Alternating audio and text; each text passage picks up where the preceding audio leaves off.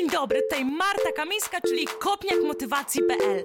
Witam Ciebie w kolejnym odcinku mojego podcastu, który współtworzę z kobietami. Kobietami, którym chce się chcieć, ale ten podcast nie jest skierowany wyłącznie do kobiet.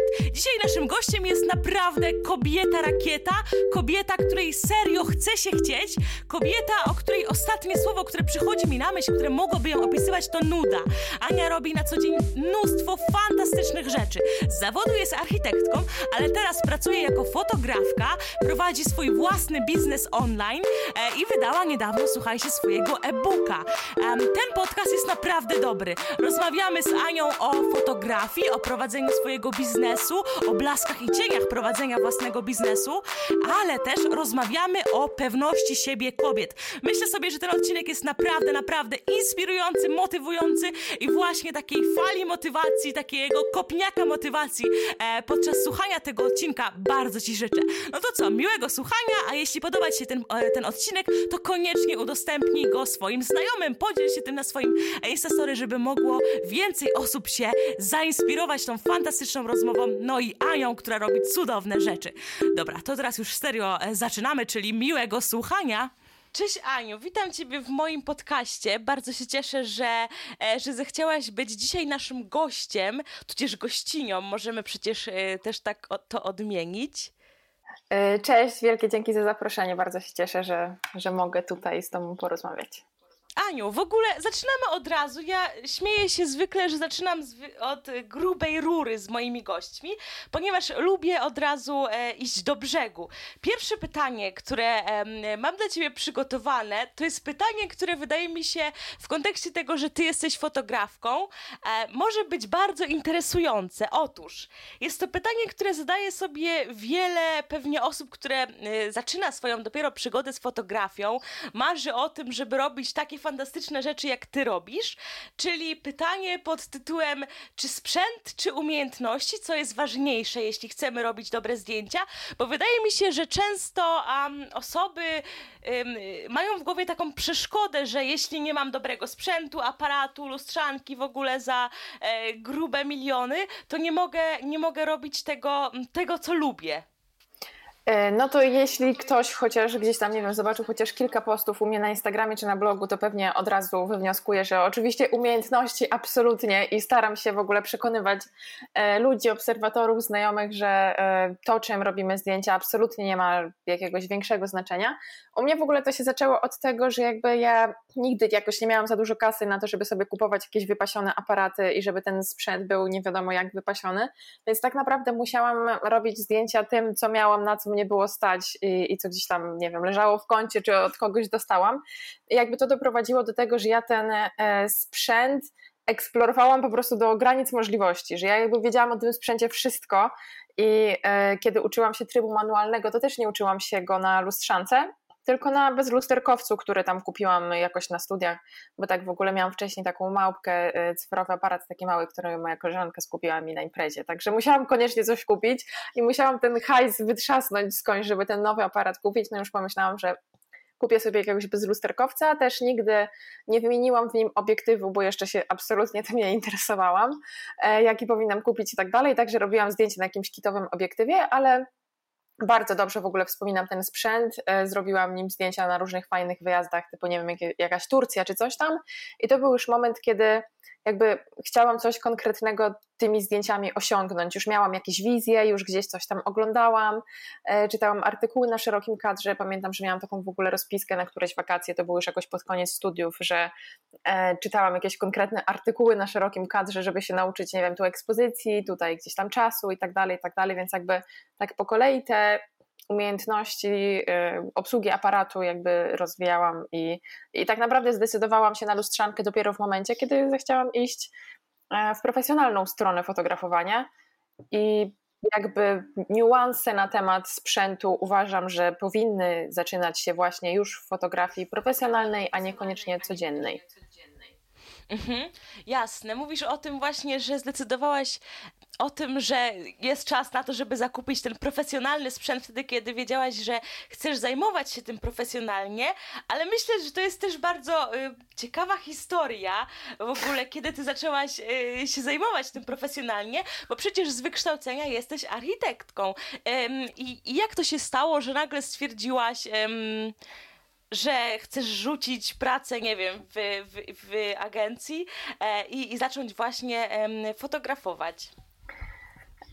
No to szczerze mówiąc, to jest taka dosyć długa historia, w sensie jak ja teraz patrzę tak z perspektywy na swoją architektoniczną przeszłość, e, no to widzę, że gdzieś tam cały czas dostawałam takie znaki od świata, że ja, znaczy jakby wiem, że nie do końca to lubiłam, jakby byłam na tych studiach, chodziłam ten rysunek, rysunku to w ogóle nie znosiłam, jak na, w liceum chodziłam uczyć się rysunku, żeby zdać ten egzamin, więc to po prostu było kilka razy w tygodniu ja z, z cierpieniem szłam w ogóle na te lekcje rysunku, żeby ten egzamin zdać. Zdałam i to był chyba ostatni raz, kiedy w ogóle miałam ołówek w ręce do rysowania takiego po prostu gdzieś tam, takiego jak na rysunku. No, później gdzieś tam szkice na architekturze to jest inna sprawa. E, no i studia bardzo mi się podobały. Ja uwielbiałam miks tego, że to jednak, no ja jestem inżynierem mimo wszystko, ale dużo estetycznych też różnych rzeczy tam poruszaliśmy. Nie wiem, były przedmioty właśnie takie jak estetyka, historia sztuki, historia architektury, plastyka, na której, nie wiem, i rzeźbiliśmy, rysowaliśmy, malowaliśmy tam w ogóle co nie tylko. Także to były bardzo fajne, ciekawe, różnorodne studia i to mi się mega podobało. Bo ja od zawsze y, jestem takim umysłem ścisło artystycznym i zresztą ja zawsze miałam chyba taki problem, że interesowałam się dosłownie wszystkim. Jakby mi wszystko szło dobrze, ja nie miałam czegoś takiego, że mi w szkole jakiś przedmiot nie idzie e, i z matmy byłam dobra i z plastyki też i z historii w sumie, no historia chyba najsłabiej. E, jakby ja przez całe życie miałam problem z tym, żeby się na coś zdecydować, bo z jednej strony lubiłam matmę, z drugiej strony byłam w szkole muzycznej, też tak chciałam iść e, na, mhm. do klasy fortepianu w drugim stopniu szkoły, chciałam też iść na śpiew i tak po prostu się miotałam z prawej na lewo, z prawej na lewo i E, I co się stało, że zdecydowałaś w końcu, że jednak architektura, a nie kariera muzyczna i w ogóle występy w operze? E, no chyba to, że nie wiem, tak jakoś chciałam, ja zawsze chciałam w życiu robić coś konkretnego. Więc ja siebie widziałam, no i też nie wiem, dziadek całe życie, a bądź nauczycielką matematyki, to będzie tak super, bo mój w ogóle dziadek był nauczycielem tyle rzeczy historii. Ale też jest ciekawa z nim historia, bo zawsze chciał być fizykiem a został historykiem tylko i wyłącznie dlatego, że szkoła tego potrzebowała. E, I, I, skończył historię i tak dalej, w ogóle wkuwał to wszystko i nas też chciał do tego przekonać, e, ale jakoś tak się średnio daliśmy. No i e, ja, jak byłam na tych studiach, to było jeszcze ok, Później jak poszłam do pracy, to na początku też było ok, później mi to zaczęło trochę tak doskwierać. E, no i ja postanowiłam zmienić jedno biuro, poszłam do drugiego, na początku niby było spoko, e, no ale gdzieś tam jakoś próbowałam zmienić tą drogę i widzę, że, że właśnie ten mój, taka moja chęć robienia czegoś konkretnego, nie takiego rozmywania się, no bo jednak mi się szkoła muzyczna kojarzyła, no zresztą to było coś takiego, że jakby to jest jednak artystyczne wykształcenie, mm, nie wiem, jakoś tak zawsze myślałam, że ja właśnie będę inżynierem, będę coś projektować, będę, nie wiem, coś budować, a jak już przeczytałam, czym się zajmują architekci, to już w ogóle po prostu rozkochałam się w tym i mówię, matko kochana, ja przecież będę projektować budynki miasta, to po prostu jest praca marzeń, to jest w ogóle coś dla mnie. No ale niestety okazało się później, że, że praca nie jest tak romantyczna, jak ja sobie wyobrażałam i jak mi obrazowały ją moje studia, w których byłam zakochana i poszłabym na nie jeszcze raz, ale jednak to było co, totalnie coś innego niż później, niż później praca. Tak, mówiłaś o tym, że to nie było tak romantyczne jak, jak w, w Twojej wizji. Mhm. Tak, e, ja w ogóle tak jak sobie przypominam, jak wyglądały w ogóle zajęcia, znaczy to też jest trochę taki problem z architekturą, znaczy nie wiem czy na mhm. wszystkich uczelniach, ale mm, wielu wykładowców miało takie podejście, że architekt to jest niemalże Bóg, i on po prostu może wszystko. I znaczy też myślę, że właśnie z tego względu gdzieś tam później wychodziły jakieś konflikty na przykład architektów z in, e, budowlańcami, z konstruktorami, no bo architekci mieli jakieś swoje nie wiadomo jakie wizje, e, a budowlańcy, konstruktorzy, znaczy sorry, że tak mówię, budowlańcy, e, konstruktorzy mieli no, musieli po prostu to przeliczyć i to postawić, żeby to się trzymało i żeby tak. to, jakby my też mamy oczywiście, mieliśmy konstrukcję na zajęciach i jakby też jakby nikt nie uczył tego, żeby wymyślać rzeczy niestworzone, ale jednak wychodziliśmy z takim założeniem, że my musimy zmieniać. Świat, robić tutaj w ogóle super rzeczy, zmieniać mieszkaniówkę. Ja na przykład byłam strasznie zajarana w ogóle architekturą mieszkaniową. Ja pojechałam do Danii, żeby w ogóle się uczyć tej architektury mieszkaniowej i po prostu jak się tam nasłuchałam, że oni mają tą swoją czerwoną cegłę, której absolutnie nie możemy niczym zakryć, żadnym tynkiem, broń Boże w ogóle żadnego styropianu na to, e, że oni muszą komfortowo żyć, oni muszą mieć dużo przestrzeni, dużo miejsca i tak dalej. No i jak wróciłam tutaj do y, deweloperki, w której upycha się czteropokojowe mieszkanie na 30 metrach. Tak, mieszkam w takim mieszkaniu w Łodzi e, i, i to jest dramat. Właściwie mamy pięć pokoi, więc to jest naprawdę piękne. Mm, ale rzeczywiście, wiesz co, Ania, zastanawiam się, w którym momencie w ogóle zdecydowałaś, że nie chcesz zmieniać świata poprzez e, architekturę, ale w którym momencie zdecydowałaś, że chcesz zmieniać świat poprzez zdjęcia, poprzez fotografię, poprzez inny rodzaj sztuki. E, ja bardzo chciałam zmieniać świat przez architekturę, e, ale zobaczyłam, że ten świat w Polsce jest bardzo oporny na te zmiany, z których chęcią poczynienia ja wyszłam ze swoich studiów. E, I niestety, no to jest takie, jakby wiadomo, no pieniądze i tak dalej. E, też ubolewam trochę, że jednak te wykształcenie estetyczne w ogóle w systemie całym edukacyjnym w Polsce jest takie bardzo po macoszemu traktowane i ogranicza się do tego, żeby machnąć trzy razy kredką po jakimś tamtym. I, I tak naprawdę ludzie się na tym nie znają, nie mają takiej potrzeby, żeby było ładnie. I jakby mnie to bardzo bardzo mnie to bolało i to, że jakby ja nie mogę nawet w projekcie poszaleć, bo inwestor wie lepiej, że przecież, nie wiem, jakaś tam, jakiś podziewny plastik na podłodze jest lepszy niż na przykład nie wiem, jakieś drewno. Wiadomo, że to są też ogromne różnice w kosztach, ale no, dużo gorzej buduje się w tym momencie niż budowało się kilkadziesiąt lat temu.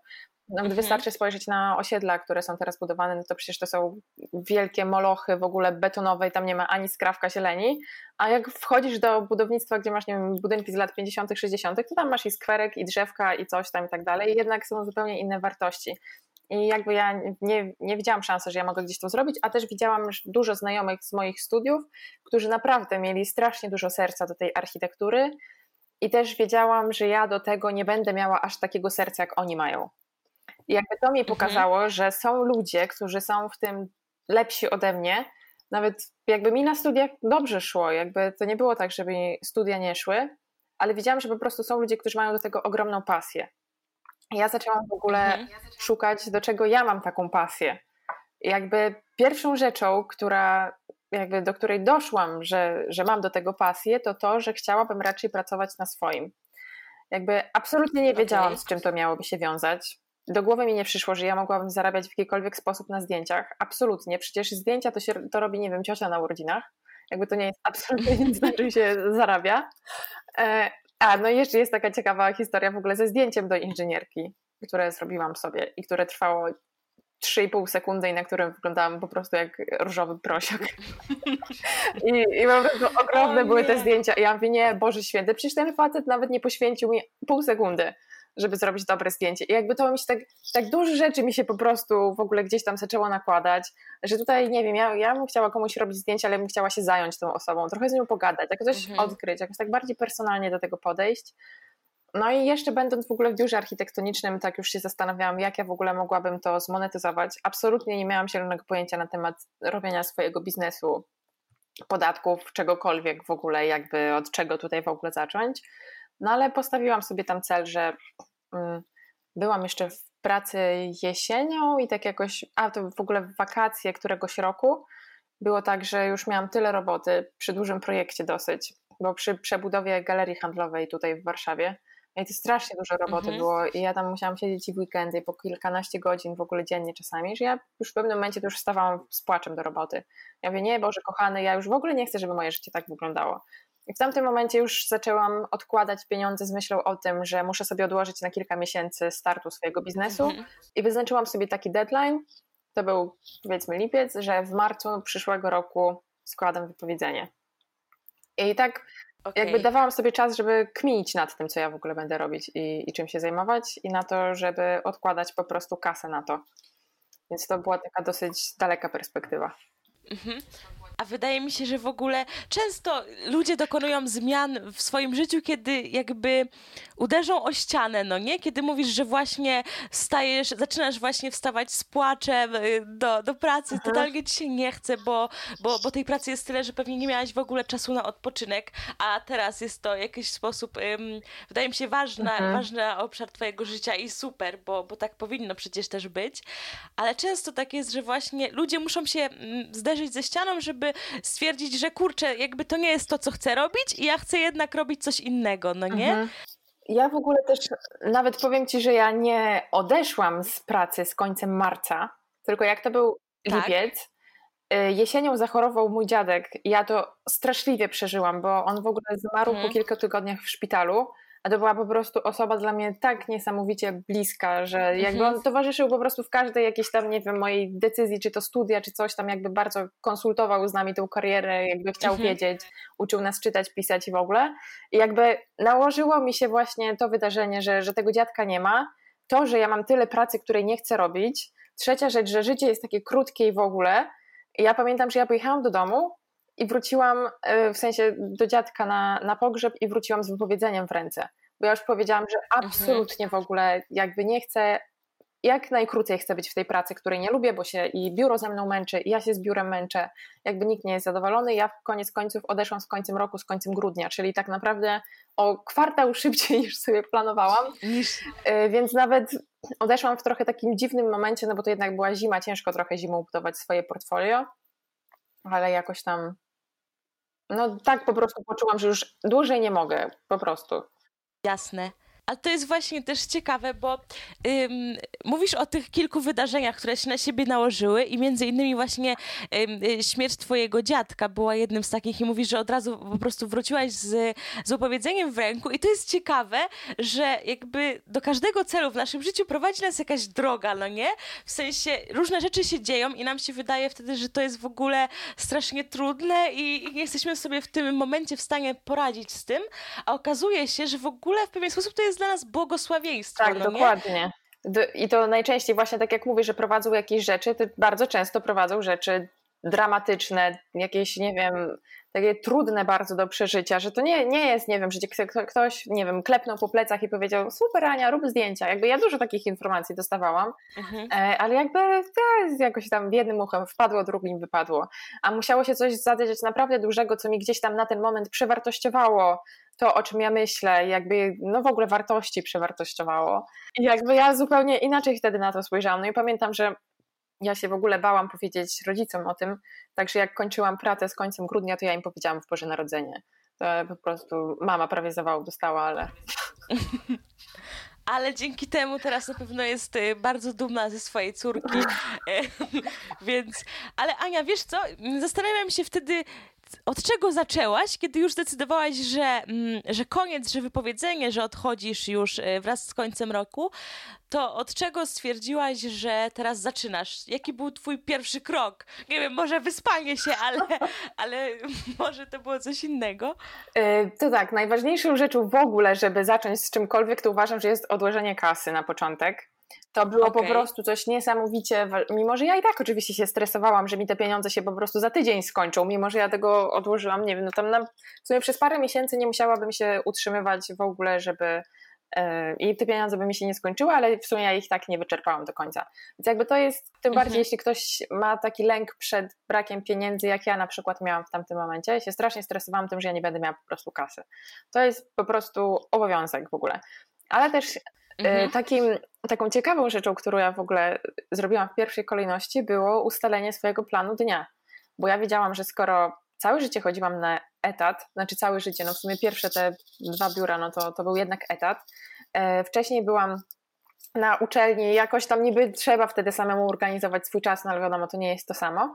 Więc ja się bardzo skupiłam na tym, żeby sobie ustalić, o której wstaję, co robię, kiedy idę na trening, kiedy, nie wiem, pracuję nad blogiem i tak dalej, że miałam tak bardzo konkretnie rozpisane cele, załóżmy na miesiąc i bardzo dokładnie wtedy zaczęłam planować po prostu swoją pracę każdego dnia, bo widziałam, że jak gdzieś się zasiedzę, to będę miała straszny taki, nie wiem, wpadnę zaraz w jakiegoś doła i, i, i nie wiem, no, musiałam się po prostu nauczyć pracy z domu i organizowania tej pracy samemu.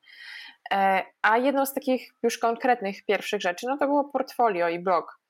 mm, jakby dopracowałam to w taki sposób, że było widać, że jestem fotografem i że się tym zajmuję, jakie ja sesje robię i tak dalej, e, żebym mogła gdzieś komuś wysłać jakiś jeden link i ktoś będzie wiedział, co ja robię. I zajmowałam się też jakimś tam rozbudowywaniem portfolio, pisaniem wpisów. Oczywiście te moje wpisy na blogu na początku to wyglądały tak, że, że tam były po prostu foty, kawki, jakieś organizacyjne tipy. Ale jednak gdzieś tam już zaczęłam budować e, społeczność powoli. No i jest bardzo dużo osób, które pamiętam, że są tak od samego początku, no niektóre się zamieniły w klientów, e, także to, mhm. było, to było spoko. A od samego początku, czyli od ilu lat w sumie? Poczekaj. Ja założyłam działalność w 2017. Okay. Tylko, że to był to sierpień. E, na początku sierpnia mhm. założyłam działalność, e, a ten czas, o którym mówimy, to był styczeń tego samego roku. A planujesz robić w ogóle wielką fetę, wielkie świętowanie w tym roku tych e, trzecich urodzin e, swojego bloga i, i, i, kilku lat działalności? E, właśnie zastanawiam się nad tym, bo e, ja urodziny mam tydzień wcześniej niż urodziny ma moja firma, także... czyli, czyli jest jakiś plan. Możesz na przykład świętować też em, swoim e-bookiem, którego, e, który niedawno tak, wydałaś. Dokładnie. Ja jestem szczęśliwą posiadaczką tego e-booka. Mm pamiętam jak do ciebie pisałam, kiedy właśnie kończyła się promocja tego e-booka. Ja byłam w strasznym jakimś lesie, a wiedziałam, że muszę go kupić i, na szczęście się udało złapać, złapać połączenie i, i go kupić. Jestem teraz szczęśliwą posiadaczką. Ale wiesz co? Wydaje mi się, że w ogóle to jest fantastyczny poradnik.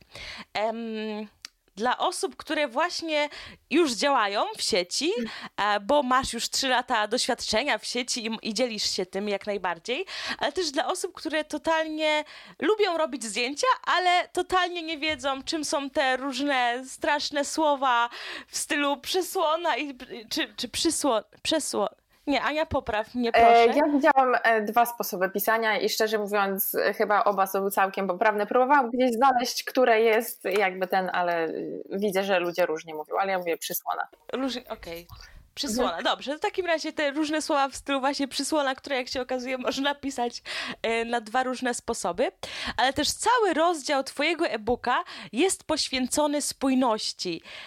Chwilę przed w ogóle wydaniem tego e-booka, co domyślam się było e, fantastyczną formą promocji tego e-booka, stworzyłaś wyzwanie o, o tej tematyce, czyli o tematyce spójności i, i w ogóle bardzo dużo treści, jakimi się ostatnio dzielisz ze swoimi odbiorcami, dotyczy właśnie znalezienia własnego stylu stylu gdzieś tam odkrycia tego, jakie fotki nas em, rajcują po prostu, e, jakie fotki lubimy i, i, i jakimi fotki, fotkami powinniśmy się dzielić z naszymi odbiorcami. I zastanawiam się, dlaczego, Ania, w sensie, dlaczego tak dużo o tym mówić, o, y, o tym mówisz, o tej spójności, o, o własnym stylu? E, trzeba pewnie na początku zaznaczyć, że ja totalnie inaczej rozumiem spójność na Instagramie e, niż niektórzy mogą myśleć, nie wiem, oglądając jakieś konta, na których mhm. są zdjęcia identyczne w kółku publikowane i kawa sfotografowana z 17 stron, jakby 17 zdjęć, które są tak bardzo do siebie podobne, że aż nie można ich odróżnić. Jakby to absolutnie nie jest spójność, o której e, ja mówię. E, raczej skupiam się na tym, jakby na naszej spójnej osobowości, raczej tak bym to określiła. Mhm. Na naszym charakterze, na tym, jak ja bym chciała, żeby gdzieś tam się, się wyróżniać. I chodzi o znalezienie czegoś, co będzie nas charakteryzowało i co będzie z nami spójne. I dla każdego jest to absolutnie coś innego, także jakby ja też nie oceniam tych kont, które są bardzo do siebie podobne, bo ktoś może ma bardzo wysokie poczucie, e, nie wiem, estetyki i takiej chęci kontroli każdego jakby aspektu i chęci właśnie tworzenia takich rzeczy i to też jest okay. jeśli to z nim gra, to, to super. Ja na przykład absolutnie taka nie jestem, chociaż próbowałam coś takiego zrobić i totalnie mi to nie wyszło, jestem bardziej chaotyczna mam wrażenie, jakaś spontaniczna, e, gdzieś tam impulsywna trochę, więc na przykład to nie byłby absolutnie sposób na to, by ja takie zdjęcia robiła. Kiedyś próbowałam robić e, właśnie takie flatleje super, takie skomplikowane z 50 gadżetami. Absolutnie mi to nie wychodziło. To po prostu było, to były najgorsze zdjęcia, jakie ja w ogóle robiłam. I, ale, na... ale Ania, ale robisz flatleje, tylko one mają zdecydowanie dokładnie, mniej elementów. Dokładnie. I właśnie o tym pisałam w swoim e-booku, że ja chciałam nadal robić takie zdjęcia, ale jakby przekułam je na swój sposób. I właśnie o to chodzi mhm. w tej mhm. spójności, którą ja rozumiem, jakby obracanie się w tematach, które Ciebie interesują, e, pokazywanie tego w sposób, który jest z Tobą zgodny, dopasowywanie raczej tej spójności szeroko pojętej do stylu życia, który Ty prowadzisz. i do wartości, które ty wyznajesz. Bo to też jest bardzo ważne, mhm. nie wiem, na przykład no nie tylko w wprowadzaniu biznesu, no bo to też jest mega, mega ważne. Jakby ja też od tego zaczęłam budowanie swojej marki osobistej, e, bo słyszałam wiele razy po różnych sesjach, że ludzie jakby nie czuli, że ja im robię zdjęcia. Wychodzili tacy po prostu roześmiani, e, nie zestresowani, bo wszystkim się zdjęcia kojarzyły jednak ze stresem, po prostu z nerwami i, i pozowaniem jakimś sztucznym i tak dalej. Ja to zauważyłam, że ludzie tak mają, sama zresztą tak miałam i jakby chciałam wejść z taką ofertą fotografii bezstresowej. Czyli, że u mnie raczej się człowiek dobrze mhm. bawi, e, nie ma jakiegoś tam, nie wiem, na przykład jakby są takie słowa bardzo podniosłe typu portret. Jakby to jest piękne słowo, ale jednak jak człowiek słyszy, że idzie sobie zrobić portret, to tylko brakuje koszuli z żabotem i w ogóle nie wiem czego jeszcze. Taki od razu pan Tadeusz przed oczami, w ogóle obrazek, który wieszamy. Jakieś książki właśnie. tak, dokładnie. Także y, ja tą taką właśnie spójność też przekładam w takim sensie, że to też dotyczy swojego biznesu, no bo twój Instagram będzie raczej spójny, na przykład jeśli prowadzisz biznes właśnie z tym biznesem, który ty prowadzisz. E, jeśli ja mówię gdzieś tam o fotografii bezstresowej, to nie mogę teraz prowadzić konta po prostu z kijem w tyłku e, i w ogóle się mhm. spinać i jakby przedstawiać totalnie inne wartości i jakby to, co, mimo że to jest tylko Instagram, to jakby wszystkie te posty, które ja publikuję, te wszystkie zdjęcia, one są właśnie zgodne z tym, co ja sobie na początku powiedziałam. Że ja będę mhm. bezstresowa, raczej na luzie i tak dalej. E, I uważam, że trzeba na początku odkryć jakby to po pierwsze, co ciebie wyróżnia, i po drugie też działać tak, jak wewnętrznie chcesz. Ja kiedyś e, mhm. byłam taka zaskoczona, jak odkryłam coś takiego, że jeśli ci się czegoś nie chce za bardzo robić, czyli na przykład mi się nie chciało chodzić do pracy albo robić jakichś projektów na studiach albo coś takiego, to może nie dlatego, że ja jestem leniwa, tylko może dlatego, że to jest niespójne ze mną. Y, tak, właśnie chciałam a propos tego powiedzieć, że um, oglądałam jakiś czas temu, um, no to było już dobrych kilka lat temu, myślę w okolicach y, tego, kiedy zakładałeś swoją działalność, Andrzej Tucholski, którego pewnie kojarzysz też, tak, oczywiście. Um, tudzież znasz właśnie, prowadził taki webinar o prokrastynacji. On mówił o tym, że właśnie kiedy my robimy jakąś czynność, która nam nie sprawia frajdy i podczas tej czynności prokrastynujemy, w stylu oglądamy YouTube'a, oglądamy Instagrama i w ogóle robimy tego typu rzeczy, to jakby nie warto siebie linczować za to, tylko zastanowić się, czy to właśnie, czego my na przykład szukamy na tym YouTubie albo na tym Instagramie, nie jest tym, co tak naprawdę nas kręci, no nie? I to totalnie po prostu odmieniło moje myślenie o tym.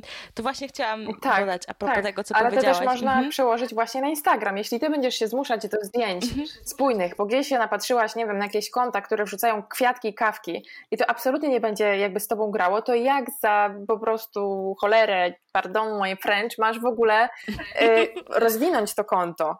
Jakby jeśli ty nie będziesz miała tak. w ogóle do tego serca, chęci, energii, y, jakby nie, nie da się do czegoś po prostu zmusić i albo ty poprowadzisz to konto po swojemu, albo mhm. będziesz po prostu tkwić się, męczyć i jakby nikogo do, do siebie nie przekonasz, no bo jeśli w końcu pokażesz, zdejmiesz maskę i pokażesz swoją prawdziwą twarz, no to też ludzie, którzy do ciebie przyszli z jakiegoś powodu też mogą być zawiedzeni i no wystarczy spojrzeć Właśnie. na to, że nie wiem, że jest bardzo dużo kont, które robią przepiękne zdjęcia i to po prostu jest w ogóle estetyczna uczta i, i super i, i to są też bardzo duże konta, a są też konta, które te, tą estetykę absolutnie mają w ogóle gdzieś, ale one też są spójne. Jakby to nie jest tak, że konto estetyczne tak. jest spójne, a nie estetyczne nie, ale to nie estetyczne, znaczy nie estetyczne, no estetyczne inaczej tak powiedzmy. Inaczej. ale jeśli, jeśli to jest czyjś styl bycia, pokazywania, wyrażania się, to ono też jest spójne, jeśli ta osoba jest z tym prawdziwa i robi to konsekwentnie. Dlatego jakby ja nigdy nie namawiam ludzi do prowadzenia kont na Instagramie, które są po, po prostu przepiękne pod linijkę i w ogóle jak tam wchodzisz, to gacie spadają, bo to jest tak cudowne, tylko takie, które będzie prawdziwe i, i z którym ludzie się będą utożsamiać, no bo kopii kont moich znajomych i, i, zdjęć, które są kopią zdjęć moich, widziałam mnóstwo, ale jakby to absolutnie mnie nie przekonuje do tego, że, że ktoś po prostu tworzy coś fajnego, no bo skoro ten ktoś musi kogoś kopiować, to, to ten, ten kranik z inspiracjami kiedyś ktoś zakręci i co wtedy? Właśnie, ale też powiedziałeś bardzo fajne, bardzo fajne zdanie o zdejmowaniu masek.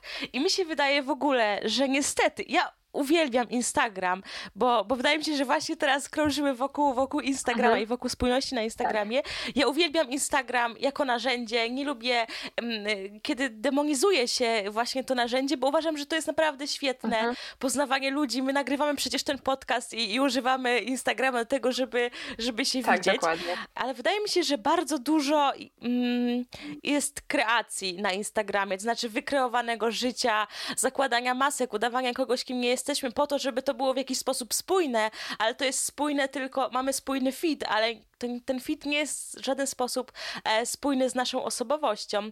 I zastanawiam się, co ty byś poleciła takiej osobie, która może to słucha teraz i, i w ogóle dostaje oświecenia nagle, zapaliła się u niej jakaś lampka i czuje, że, że już tak nie chce, nie chce udawać, że, że jest tym, kim nie jest. Mhm tak.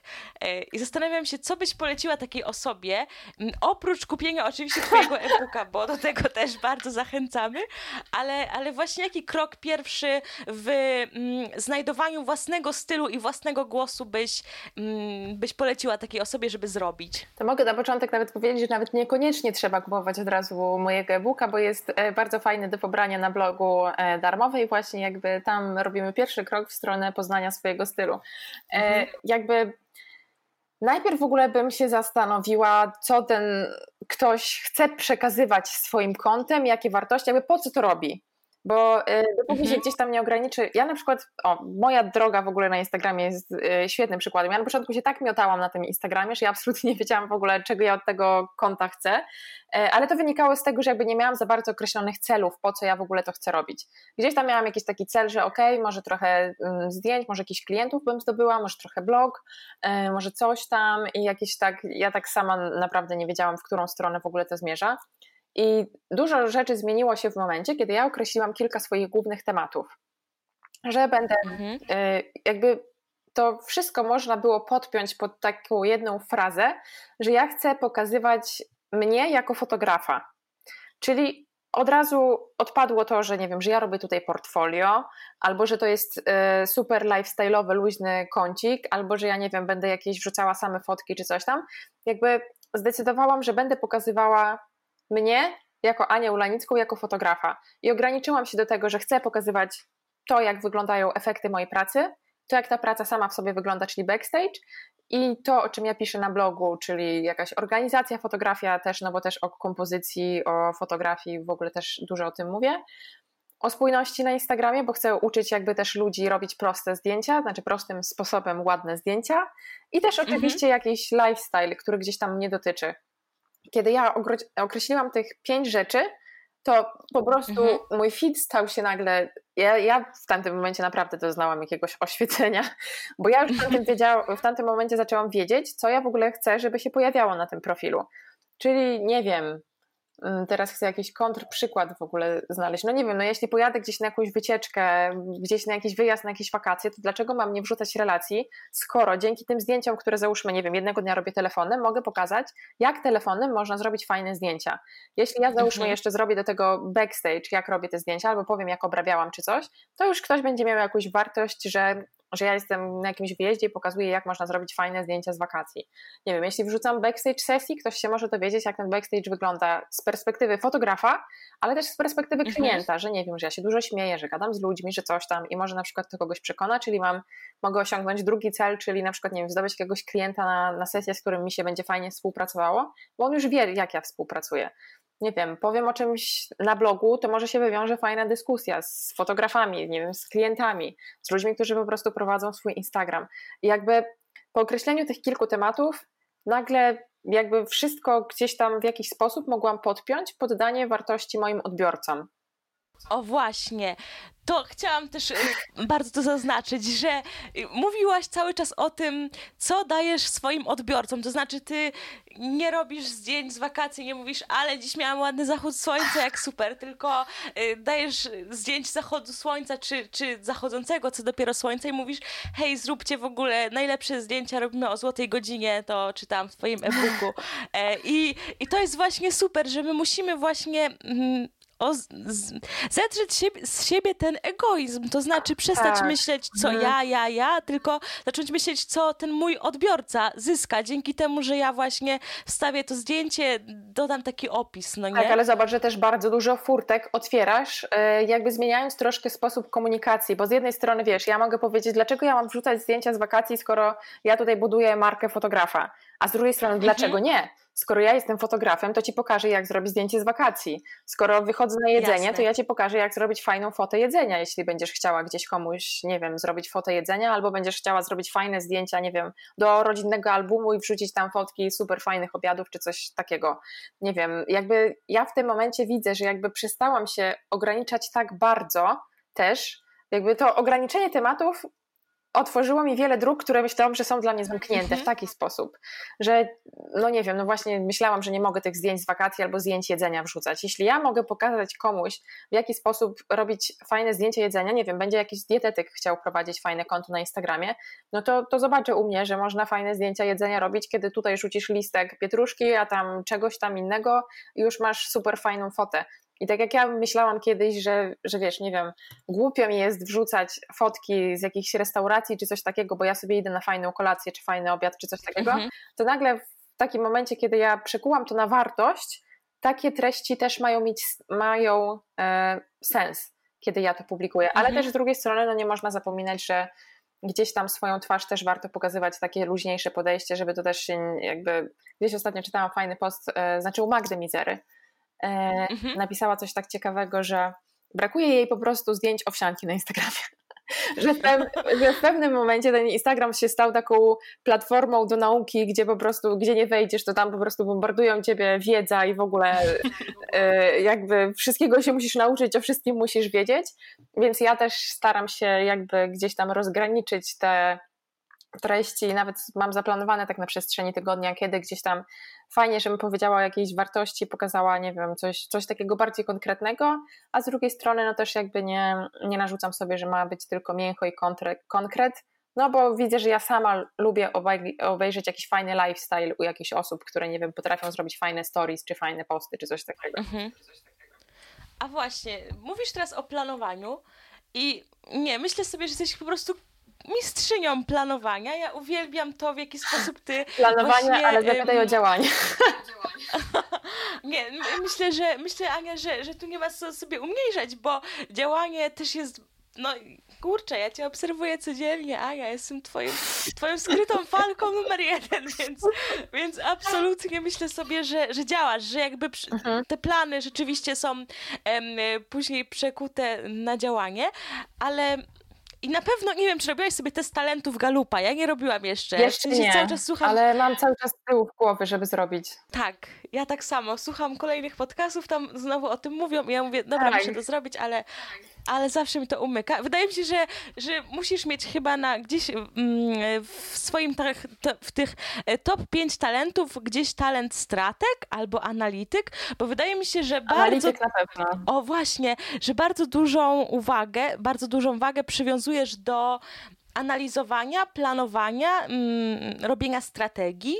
Tak, to prawda. E, myślę, że analityk na pewno tam się pojawia, przynajmniej jak rozmawiam z Moniką Kamińską e, na sesjach i jej opowiadam. Ona po prostu od razu, od razu mnie rozpracowała. Mówi, ty na pewno jesteś analitykiem, skoro ty tak nie potrafisz szybko decyzji podejmować i tak dalej. Bo ja na przykład, nie wiem, właśnie zrobienie selekcji dla mnie z sesji to jest po mhm. prostu taka katorga. Jak ja przynoszę tysiąc zdjęć i ja muszę z tego wysłać setkę, to mnie po prostu boli coś w środku, jak ja muszę się na tym zdecydować. A na przykład e, właśnie z Moniką o tym rozmawiamy. Ona na przykład ma coś takiego, nie wiem e, czego to jest, ale na przykład ona, ja jej wysyłam maila z selekcją e, zdjęć i za 5 minut jest mail zwrotny, że zdjęcia są już wybrane, gdzie ja to po prostu dwa dni przeżywam i w ogóle ten, więc na pewno coś z tym analitykiem jest związane. E, a przepraszam, jakie było pytanie? Pytanie w sumie było takie, czy to prawda, że właśnie, że właśnie gdzieś tam te, robienie tych strategii jest dla ciebie ważne i w sumie odpowiedziałaś, ale też chciałabym, żebyś nam powiedziała o tym mm, coś więcej, bo e, zakończyliśmy teraz pierwsze, tak. Mm, pierwsze pół roku e, tego przedziwnego roku, pierwsze półrocze zostało zakończone e, i, i widziałam właśnie, że ostatnio mówiłaś o tym, że cały dzień spędziłaś tak. na gdzieś tam wymyślaniu tego, co będzie się działo przez następne pół roku i nie chcę, żebyś nam zdradzała teraz swoje plany, ale, ale może masz jakieś dla nas protipy, w jaki sposób fajnie można sobie zaplanować, usiąść i, i po prostu gdzieś tam zaplanować działania w swoim biznesie online czy w swojej działalności? E, to tak, to co na pewno jest ważne, to to, że ja kiedyś planowałam dużo więcej niż teraz, w sensie jakby ja w swoich planach zarzucałam się robotą. E, w końcu dorosłam i doj mhm. dojrzałam do tego, że jakby nieważne jest, ile ja zadań wpiszę, jest jakaś granica, którą ja dam radę wykonać. I jakby w tym momencie moje planowanie jest trochę inne niż kiedyś, bo ja kiedyś potrafiłam sobie wypisać 15 zadań e, na dany dzień. Ja absolutnie to w ogóle nie było możliwości, żebym ja to zrobiła. Także może tak zaczynając od ogółu do szczegółu. E, ja w maju prowadziłam promocję e-booka i to się akurat zakończyło jakoś tam w połowie maja, coś takiego. Później wyjechałam na tydzień wolnego. I okazało się w czerwcu, że kiedy skończyłam taki duży projekt, to ja totalnie nie wiedziałam, co ja mam ręce włożyć. Mhm. Gdzieś pojawiło się coś takiego, pamiętam, słuchałam kiedyś podcastu Michała Szafrańskiego o tym, jak książkę wydał. Wiadomo, że skala jest absolutnie inna, ale jakby on też o tym mówił, że on miał doła w ogóle po sprzedaży książki, bo już w ogóle jakby stracił z oczy swój taki bardzo duży cel i nie miał już do czego dążyć tak. w życiu. I ja w czerwcu jakby te treści miałam bardzo regularne. E, opublikowałam kilka wpisów na blogu, gdzieś tam zaczęłam robić tą metamorfozę, gdzie e, pokazuję, jak się zmieniają zdjęcia obserwatorów z Instagrama. E, ale mhm. cały czas nie miałam przed sobą czegoś, do czego takiego dużego, do czego ja mogłabym dążyć, bo jednak tego e-booka mhm. zaczęłam myśleć na tym w styczniu. Jakby nie wiedziałam, kiedy to skończę, no ale jak zamknęli mnie w domu, to skończyłam w maju. E, więc jednak gdzieś tam przez pół roku on był cały czas z tyłu głowy. Że ja wiedziałam, że muszę pisać, tam codziennie siadałam po godzinę na początku, ale gdzieś tam pisałam, tworzyłam i on codziennie, codziennie gdzieś tam to się pojawiało. Mhm. I na przykład taka strategia, ja ją teraz robiłam na trzy tygodnie, bo tak pf, miesiące, bo ja się staram mhm. tak planować na 12 tygodni mniej więcej. E, Właśnie, chciałam zapytać, czy to według e, tej książki 12-tygodniowy rok? No nie wiem, czy z książki, ale Dominik Juszczek chyba o tym mówił bardzo często ja od, A, okay. przez niego zaczęłam w ogóle tak planować, ale słyszałam, że jest jakaś taka mhm. książka. E, I właśnie myślałam nad tym, bo jakby to jest taki fajny okres, że potrafisz to tak mniej więcej złapać, potrafisz sobie rozpisać to, jak to powinno mhm. wyglądać. No i właśnie robiłam plany na lipiec, sierpień i wrzesień. E, I miałam jakieś tam rzeczy, które chciałam zrobić w tym roku. Po prostu fajnie sobie też zajrzeć do celów, które rozpisujemy na rok i mniej więcej sobie planując ten rok tak zaplanować, nawet sezonowo, mhm. bo wiadomo, że inne rzeczy możemy zrobić latem, inne rzeczy możemy zrobić zimą. Bardzo często to już jest takim wyznacznikiem, na kiedy planować jakieś rzeczy. No i zrobiłam sobie, na początku wyznaczyłam takie rzeczy, które chciałabym zrobić właśnie podczas najbliższego, najbliższych trzech miesięcy i później planowałam to trochę dokładniej, w której części miesiąca chcę, żeby na przykład coś się pojawiło. E, jakieś mhm. tam, nie wiem, rzeczy zaplanowałam na przykład na koniec sierpnia, zaczęłam, zobaczyłam, że przecież mam urodziny, moja firma ma urodziny, więc może warto coś z tego powodu zorganizować na przełomie lipca i sierpnia. Mhm. E, wiedziałam, że muszę też otworzyć rzecz inną na za tydzień, czy tam za dwa, że coś się musi wydarzyć do połowy lipca i jakby ja już widzę, że mam takie bardzo mocne punkty na przykład w połowie lipca, na przełomie lipca i sierpnia i w drugiej połowie sierpnia. I to są mhm. już takie trzy rzeczy, które są takimi, można powiedzieć, kotwicami? No, taki, takie kamienie milowe, coś takiego. Aha, Gdzieś okay. masz takie trzy punkty, do których dążysz i, ja już wiem, że te trzy rzeczy muszą się wydarzyć, załóżmy, w ciągu tych najbliższych miesięcy, i ja dopiero później zaczynam planować, nie wiem, na przykład najbliższe dwa tygodnie.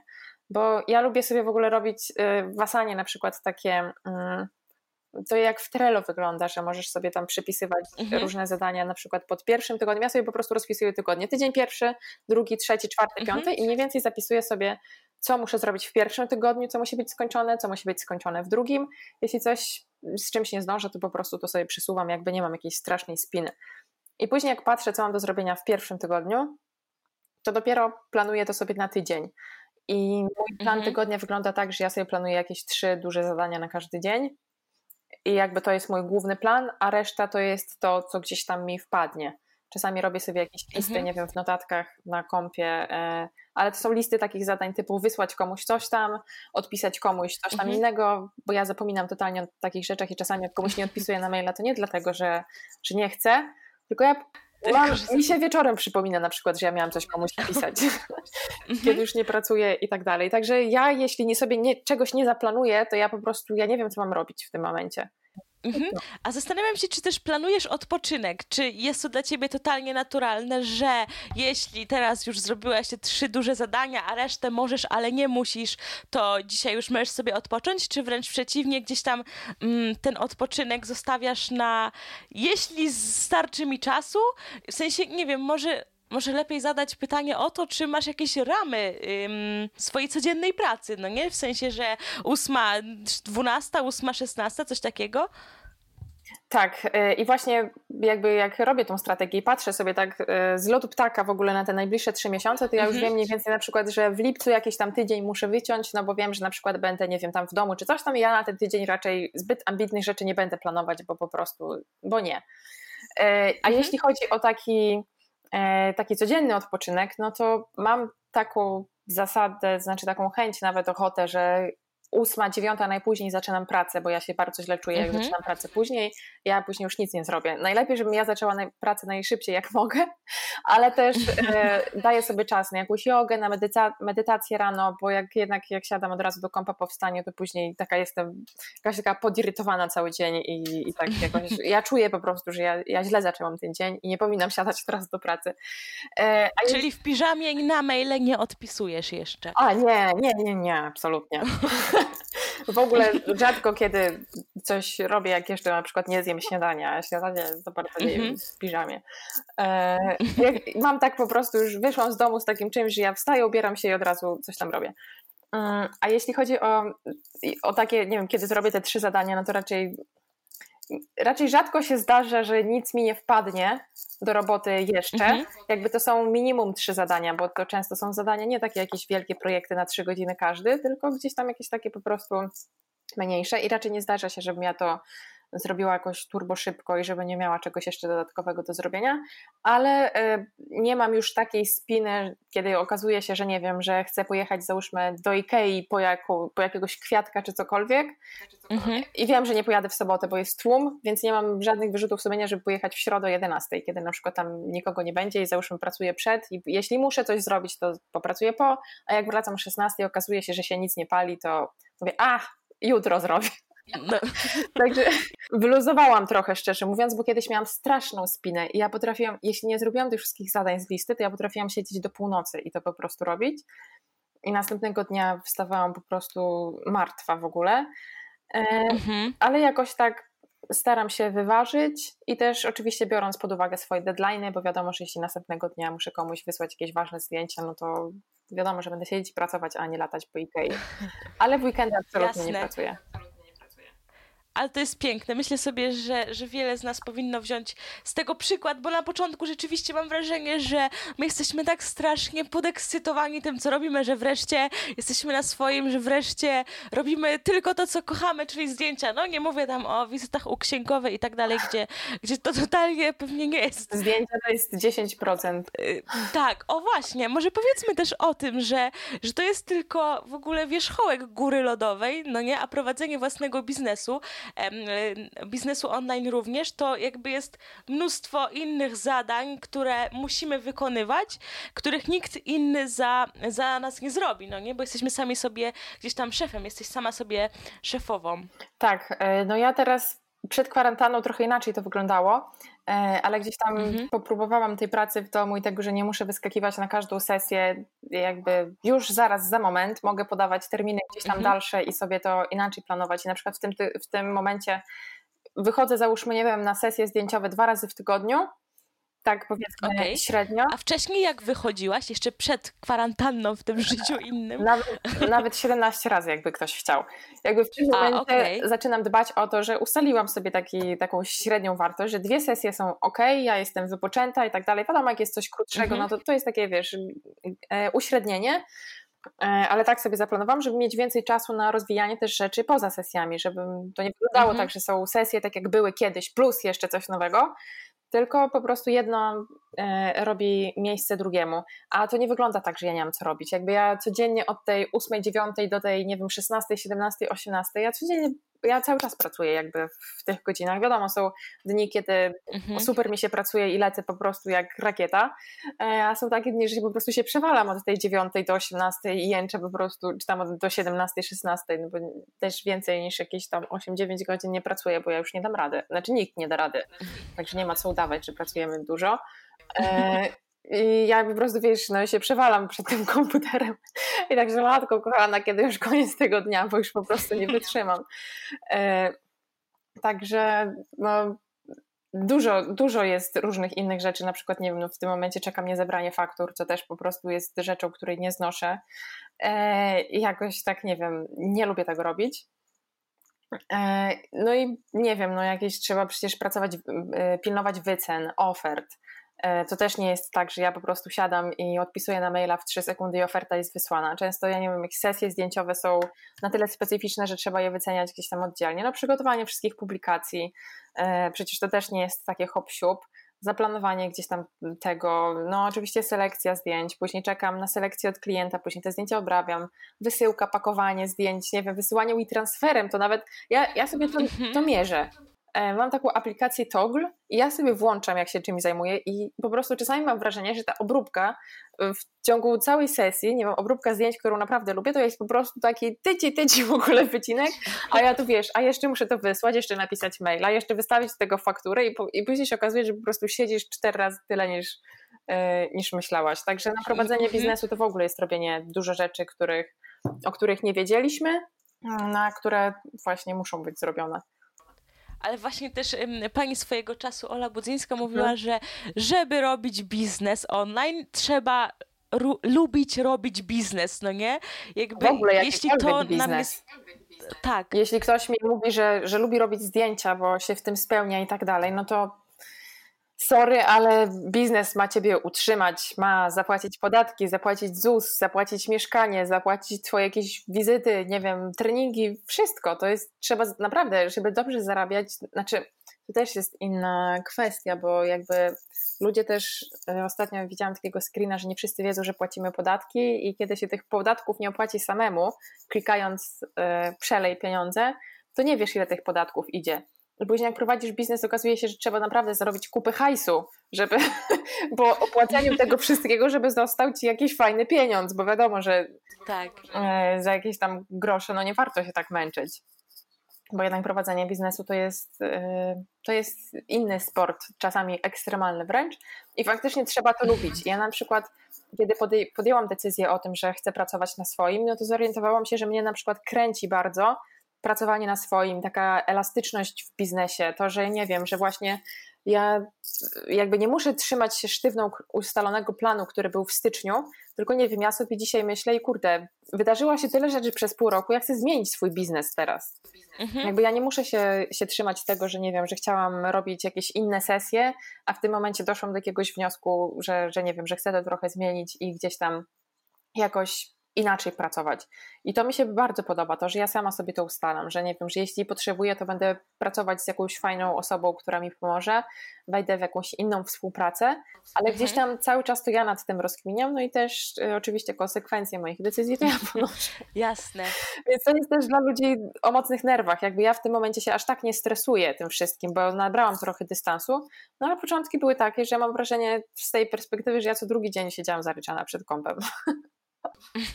Takie były początki, ale teraz jest, myślę sobie, bardzo dobrze, nawet bardzo, bardzo, bo Ania, domyślam się, że jakbym była w ogóle fotografką, to spełnieniem moich marzeń byłaby publikacja moich zdjęć dla Voga. A ty już masz to za sobą, no nie? I zastanawiam się, czy ty teraz masz jeszcze w ogóle o czym marzyć? W jaki sposób się rozwijać w, w swoim fotograficznym biznesie, skoro wiesz, nawet już w Vogu były twoje zdjęcia, o czym teraz marzysz tak zawodowo? To pewnie ciekawi nie tylko i mnie. No powiem Ci właśnie, że y, ostatnio, znaczy ostatnio, jakoś w marcu chyba, czy w kwietniu nagrywaliśmy z Szymonem, który ma podcast, Szymon mówi pstryk, właśnie on mhm. zapytał mnie o marzenia moje jakieś tam fotograficzne. Ja tak mówię, Boże mhm. Święty, ja, ja boję się marzyć o czymkolwiek, bo to po prostu zaraz się spełnia. Ja z tym, Spełni. Tak, ja z tym Bogiem to po prostu to się w ogóle y, rozegrało błyskawicznie. Nie wiem, mam wrażenie, że na jakiejś przestrzeni tygodnia czy dwóch zrobiłam zdjęcia, za kilka dni było już w ogóle na stronie. No teraz powinna marzyć w takim razie o sesji publikowanej w papierowym wydaniu. E, Ale oczywiście, no, kolejny krok. E, tak, także szczerze mówiąc, ja jakby chyba nigdy nie miałam jakichś takich w sensie mam wrażenie, że jakby moja rzeczywistość jest tak elastyczna, że ja nawet mhm. nie do końca wiem, o czym ja mogłabym marzyć, tak jak sobie teraz patrzę. Jakby ja myślę raczej o takich rzeczach krótkoterminowych bardziej i tutaj mam na myśli, nie wiem, kilka miesięcy, maksymalnie kilka lat, mhm. no bo ja nie mam zielonego pojęcia. Jeśli w ciągu trzech lat moje życie zawodowe się w taki sposób zmieniło, no to to zupełnie co innego, ale tak na jakiś tam bliższy czas to na pewno więcej chciałabym przenieść e, biznesu do przestrzeni online, żeby gdzieś tam trochę bardziej mhm. edukować. Myślę, że już mam na, na tyle um, sporo fajnego doświadczenia, że mogę tą swoją wiedzę przekazywać dalej i, i to też chciałabym robić. No a jeśli chodzi o sesje, to e, takim niespodziewanym dosyć kierunkiem były sesje właśnie komercyjne które teraz robię, jakieś tam mhm. modowe i tak dalej, to mi się bardzo podoba i chciałabym, żeby tego było jak najwięcej, może e, więcej jakichś fajnych, komercyjnych, większych trochę kampanii, więc e, w tą stronę właśnie chciałabym teraz pójść. I powinniśmy już zakończyć i powiedzieć i tego właśnie Ci życzymy, bo tak to się zwykle kończy, ale my na przekór jeszcze nie skończymy, bo jest jeszcze coś, o czym bardzo chciałabym z Tobą porozmawiać, czyli w ogóle o o Twoich sesjach fotograficznych z kobietami. Z kobietami, które nie są tylko modelkami, ale są yy, powiedzmy nie modelkami, a zwyczajne kobiety, które, które gdzieś tam em, zachowują się zupełnie inaczej, jak się domyślam, przed obiektywem, niżeli modelki, które mają tych e, sesji zdjęciowych za sobą już bardzo dużo, które są bardzo pewne siebie, pewne swoich atutów przed obiektywem.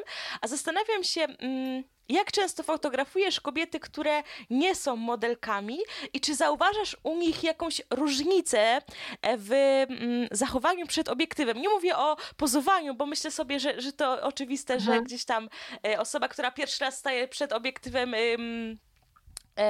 nie wie, jak zapozować ręką, ale zastanawiam się mm, w obszarze pewności siebie, czy podobaniu się sobie albo niepodobaniu się sobie, czy, czy widzisz jakąś różnicę? Tak, oczywiście, jeśli chodzi o no, pracę z modelkami, no to absolutnie nie ma tego, tej rozmowy na temat tego, że ona się wstydzi i że ona źle wyjdzie. A każda dziewczyna, mm -hmm. która do mnie przychodzi, chce właśnie mnie przekonać, że ona źle na pewno wyjdzie na zdjęciach i ona w ogóle nie lubi i, i na pewno będzie wielka tragedia. E, jakby... A tu Ania robisz fantastyczne zdjęcia i mówi, jak to możliwe w ogóle? Co tu się teraz stało? E, trochę tak. Ja często odpowiadam, że słuchaj, no chyba widziałaś moje zdjęcie w portfolio, jakby to przychodzą dokładnie tacy sami, tacy sami ludzie jak ty. Jakby oni się tak mhm. samo wstydzą, no chyba, że ktoś już tam przychodzi na którąś z kolei sesję, do czego oczywiście zachęcam, bo to zawsze ta pierwsza, druga jest najgorsza, bo po prostu jakby potrzebujemy przekonać się, że my dobrze wyglądamy na zdjęciach. I, mhm. i każdy dobrze wyjdzie, no naprawdę, no jakby, ja nie wiem, no każdego można ustawić tak, że wyjdzie naprawdę fajnie, ale jeśli ktoś też, to wynika też z takiej rzeczy, że jeśli ktoś nie robi sobie zdjęć, to nie jest przyzwyczajony do swojego wyglądu. Jakby to co mhm, innego patrzeć tak. na siebie, nie wiem, e, nagrywając stories, czy patrząc na siebie w lustrze, bo to też jest odbicie lustrzane, mhm. więc my jakby zupełnie inaczej myślimy, że wyglądamy niż wyglądamy, bo ja jak robię sobie zdjęcie y, nie tym trybem selfie, że ono mi się zapisuje tak samo, tylko odwraca, to myślę, kurde, jakoś tak inaczej moja twarz wygląda. Bo, no bo mhm. tak, tak mnie ludzie widzą i jakby ja widzę te dziewczyny bardzo często po prostu jako przepiękne super kobiety, no one mi bardzo często próbują wmówić, że nie wiem, trzymają za grube nogi, a tutaj e, jak ja będę się ustawiała, to weź mnie tak ustaw, żeby mi nie było brzucha widać, a później to mi to troszkę mhm. wyszczuplisz czy coś i ja tak myślę, kurde, no to jest smutne jednak, że mamy tyle oczekiwań wobec siebie, wobec swojego ciała, ale też wiem, że że to da się przepracować, bo też tak. widzę, że ja kiedyś też tak miałam. Ja się, o Jezu, jak ktoś w ogóle celował w moją stronę aparat, to ja miałam ochotę wejść pod stół i stamtąd nie wyłazić. Mhm. A w tym mhm. momencie, jak widzę, że ktoś robi mi zdjęcie, no to nie wiem, uśmiechnę się i tak dalej, bo jakby się, jakby ja fizycznie się nie zmieniłam, ale opatrzyłam się ze sobą, jak wyglądam. W głowie. Mhm. Tak i przyzwyczaiłam się do tego, jak widzę, jak ja wychodzę na zdjęciach. Wiem, jak ja wyglądam, nie wiem, kiedy się śmieję, kiedy jem, mhm. e, kiedy, nie wiem, robię jakąś dziwną minę, kiedy się złoszczę. Jakby ja widzę, że ja mam tak wielką mimik, mimikę na twarzy, że ja po prostu na co drugim zdjęciu to mogę wyjść wykręcona w ogóle na wszystkie strony, bo nie wiem, się uśmiecham, się denerwuję czy coś.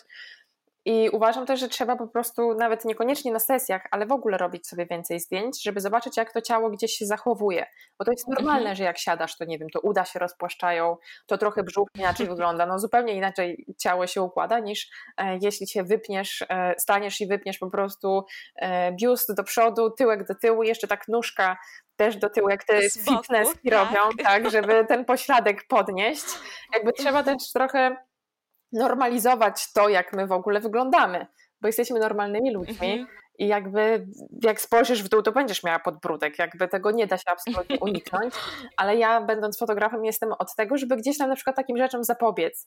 Jakby ja też zaznaczam, że ja nie, mhm. nie zmieniam wyglądu ludzi, bo też mm, jest taka sprawa, że gdybym ja poszła do fotografa i on by wybielił mi wszystkie piegi, bo uważa, że piegi są nie okay, to ja bym się na niego obraziła i bym powiedziała, kurde koleś, co ty w ogóle robisz? Jakby tak. ja lubię swoje piegi i tak samo ja podchodzę w drugą stronę, że jeśli, nie wiem, zobaczę, że ktoś ma no nie wiem, no ktoś uważa, że ma brzuch czy, czy uda, czy coś tam, ja nie będę jego wyszczuplać, bo jakby nie chcę mu mówić, że z tym kimś jest coś nie tak. Nie tak, o właśnie. Mhm. Jakby ja bez czyjegoś Zresztą ja nawet nie czuję takiej chęci, żeby kogoś jakoś zmieniać, ale uważam, że to byłoby z mojej strony pokazanie, że ta osoba wygląda nie tak, jak ja tego oczekuję, żeby ten ktoś wyglądał. Mhm. Wiadomo, jakiś, nie wiem, pryszcz na środku czoła to jest zupełnie co innego. E, to wiadomo, ale e, gdzieś tam jakieś takie zmiany na siłę, no to, to absolutnie i raczej staram się podejść w taki sposób, żeby nawet, nie wiem, na początku sesji pokazać kilka zdjęć, jak, jak ta dziewczyna wygląda. I bardzo często jest tak, że o Jezu, a ja nie wiedziałam, że ja mogę tak ładnie wyjść na zdjęciach. Mówię, no koleżanko, no przecież tak wyglądasz. Jak ja tu nic nie zrobiłam, no kochana, ja taką właśnie y, dziewczynę zobaczyłam, tam Asiu, Kasiu czy Basiu, taka weszłaś do tego studia i, i tak na zdjęciach wyglądasz, jakby to żadne rocket science. Tylko, że trzeba zrobić taką atmosferę takiego zaufania, żeby ten ktoś poczuł, że ja nie wiem, może akceptuję tą osobę, Aha, żeby tak. pokazać, że, że ty jesteś ok, ty jesteś fajna, ty masz, nie wiem, fajne włosy i fajne nogi, to może coś tam jeszcze pokażmy i tak dalej.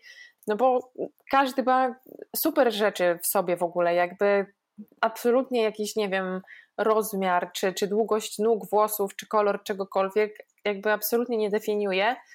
I ja chciałabym pokazywać tych ludzi jako takich fajnych, szczęśliwych, ciepłych i, i jakby to, że stworzę przyjazną atmosferę, temu sprzyja i ludzie jak widzą, że Absolutnie. wyglądają dobrze, to totalnie, może nie od razu za pierwszym razem, ale dostałam bardzo dużo wiadomości od dziewczyn, że gdzieś tam jak dostały te zdjęcia ode mnie, jak zobaczyły, że dziękowały, że pokazałam je w taki sposób, to jakby one się nie spodziewały, że one mogły tak wyglądać, a ja tak, no nie jestem zaskoczona. Tak.